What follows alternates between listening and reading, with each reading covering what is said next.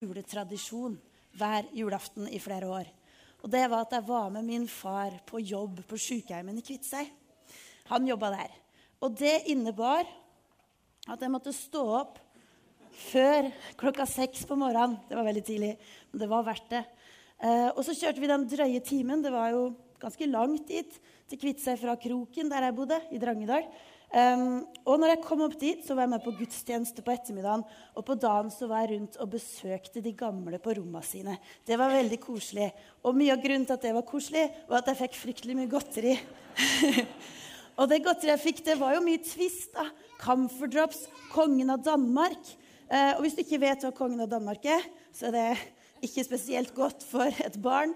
Det er de svartbrune dropsa med eh, krone på. Og de var sånn at Hvis jeg fikk de, så var jeg litt sånn høflig og satt der litt, og så forta jeg meg ut og spytte i søpla så fort jeg var ute av det rommet. Eh, det var jo noen ganger det var litt kjedelige møter og samtaler mellom de voksne. Og da gikk jeg ut. Og en gang jeg var ute, sånn ute-ute, så så jeg bak en busk en gutt som var på min egen alder. Og han eh, kikka litt sånn rart på meg. Og så begynte han å brekke av kvister på grei, eh, den busken. da. Og så begynte han å kaste de på meg. Og jeg ble så irritert. Eh, slutt, sa jeg til han. Men han bare fortsatte. Og jeg marsjerte inn igjen på sykehjemmet og var ordentlig sur på en gutt som bare kommer og kaster pinner. Um, han het Amund, sa de som jobba der. De kjente han godt. Um, han, uh, ja, han, var der mye, for han bodde rett i nærheten. Jeg gikk i tredje-fjerde klasse cirka, når det her skjedde. Og noen år seinere, når jeg skulle opp i 7. klasse, da hadde mine foreldre innsett at den pendleveien var litt lang fra Kroken til Kviteseid. Så vi hadde flytta til Vest-Telemark alle sammen eh, og bodde i Vrådal eh, utafor Kviteseid. Og i 7. klasse skulle jeg opp i eh, 7. Eh, klasse på Kviteseid skole. Vi som bodde i grendene rundt Kviteseid, vi gikk i 7B.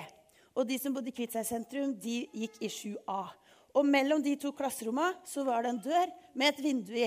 Og jeg husker en av de første gangene jeg kikka inn gjennom det vinduet. Gjett hvem jeg så da! Amund, ja. Pinnekasteren var der. Um, og jeg snakka ikke så mye med Amund de første månedene, må jeg innrømme. Uh, men etter hvert så ble vi godt kjent. Og jeg syns at han egentlig var ganske trivelig.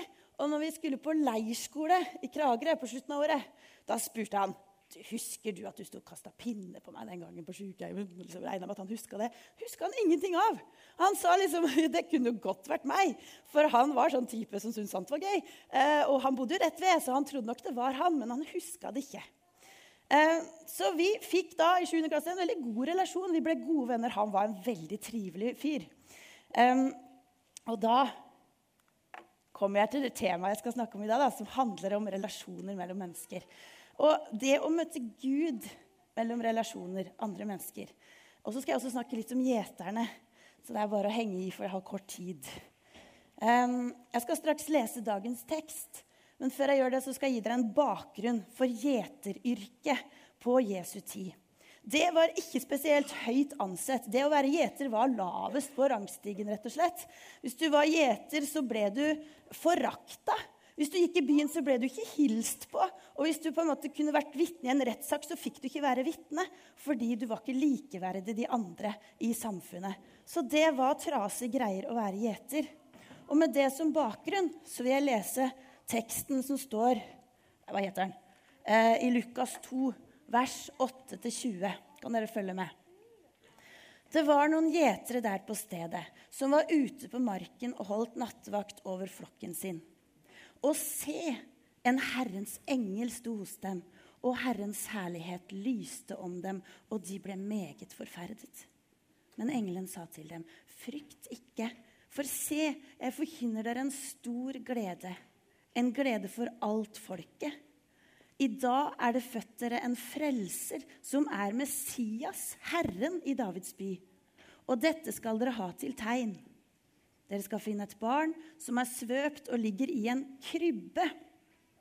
Og med ett var det sammen med engelen en himmelsk hærskare som lovpriste Gud og sa:" Ære være Gud i det høyeste og fred på jorden, i mennesker Guds velbehag. Og det skjedde da englene var fart opp fra dem til himmelen. Da sa gjeterne til hverandre, la oss nå gå rett til Betlehem og se dette som har skjedd, det som Herren har kunngjort oss. De skyndte seg av sted og de fant både Maria og Josef og barnet som lå i krybben. Da de hadde sett det, fortalte de om det ordet som var talt til dem om dette barnet. Og alle som hørte det, undret seg over det som ble sagt dem av gjeterne. Men Maria tok vare på alle disse ordene og grunnet på dem i sitt hjerte.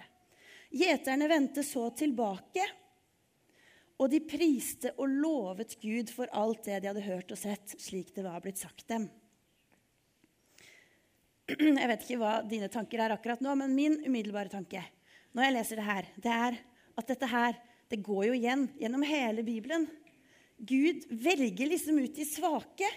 Det, det, det går så ofte igjen. Han velger ut de som folk ser ned på, de som ingen vil ha noe med å gjøre, eller de som er uglesett. Gud vil bruke de menneskene. Han vil understreke det, og han setter i gang en aksjon som er ganske voldsom. Altså Han sender ned en englegarde, rett og slett, for at, engle, eh, for at, gjeterne skal få vite den største nyheten som er sluppet. Og det er gjeterne som får lov til å kommentere og videreformidle denne nyheten. Det er ganske spesielt. Tidenes største nyhet blir altså videreformidla og kommentert av noen som blir så sett ned på, og som ikke har sosial status i det hele tatt. Det tror jeg kan sammenlignes med en gateselger eh, som selger folk er folk, kanskje skulle kommentere prinsebryllupet i England på direktesendt TV på NRK. Og det hadde jo egentlig vært litt fint, for i år så valgte du ikke å ha noen kommentar på den, uh, kommentator på den sendinga. Um, men altså, Gud bruker gjerne de svake.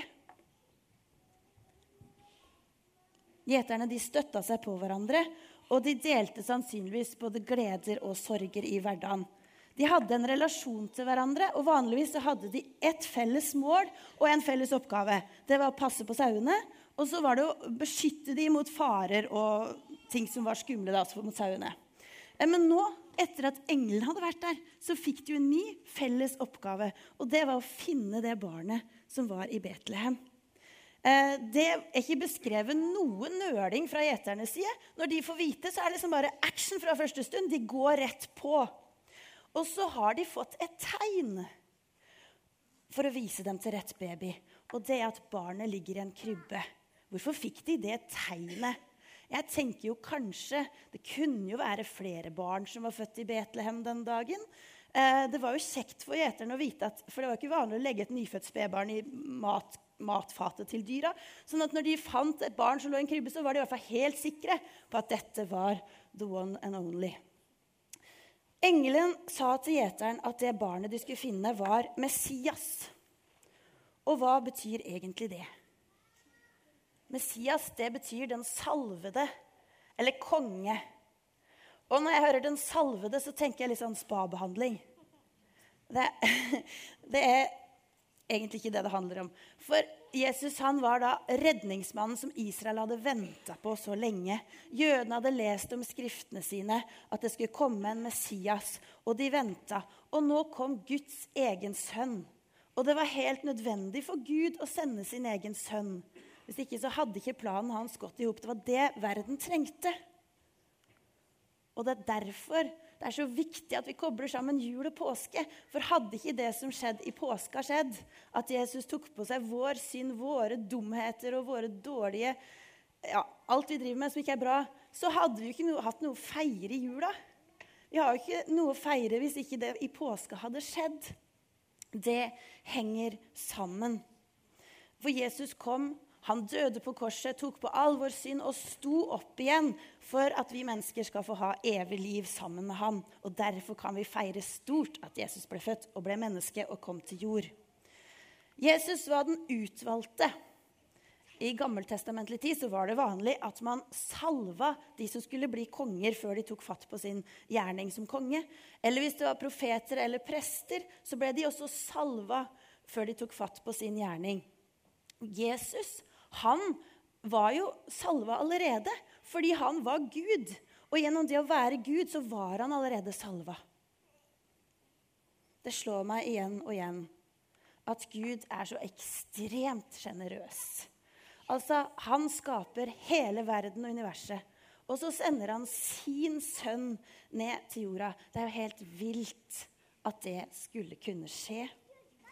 Og jeg tenker at eh, Jesusbarnet og Gud burde hatt en kjempevelkomst, en heidundrende fest, der kanskje alle verdensledere kunne blitt varsla av engler eller brennende busker eller det som skulle til. Men det er også her Gud bare understreker det igjen og igjen. De mest ynkelige av oss, de som alle ser ned på, de er utvalgt. De får møte Jesus først. Og Her tenker jeg at vi har mye å lære. For det er ikke noe rangsystem i Guds øyne. Det er det vi mennesker som lager. Når vi møter mennesker, så møter vi egentlig Gud.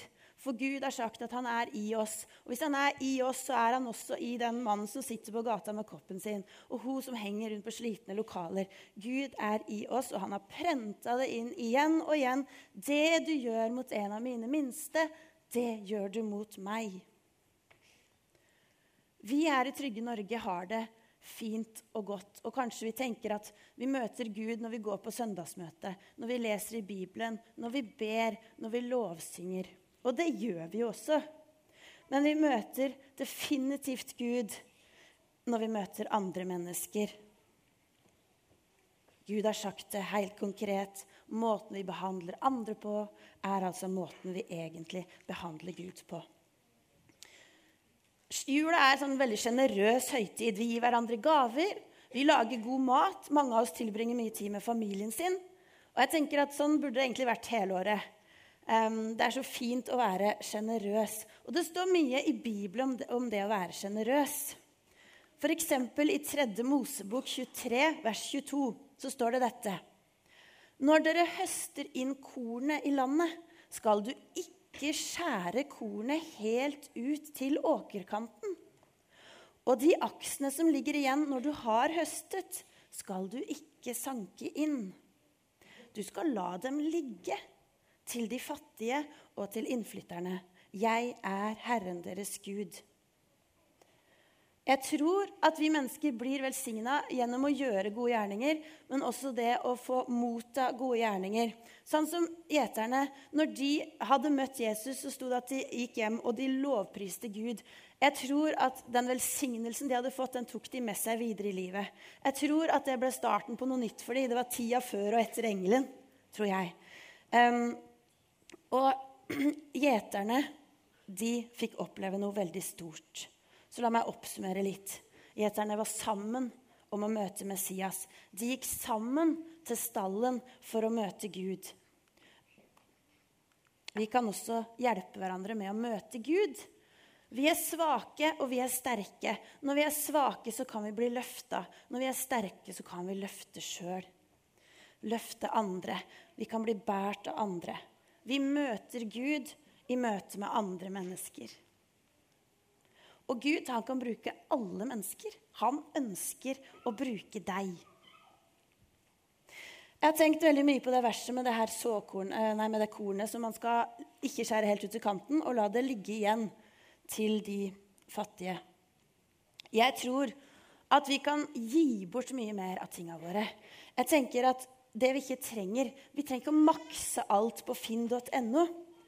Eh, jeg har lyst til at du skal ta med den utfordringen videre.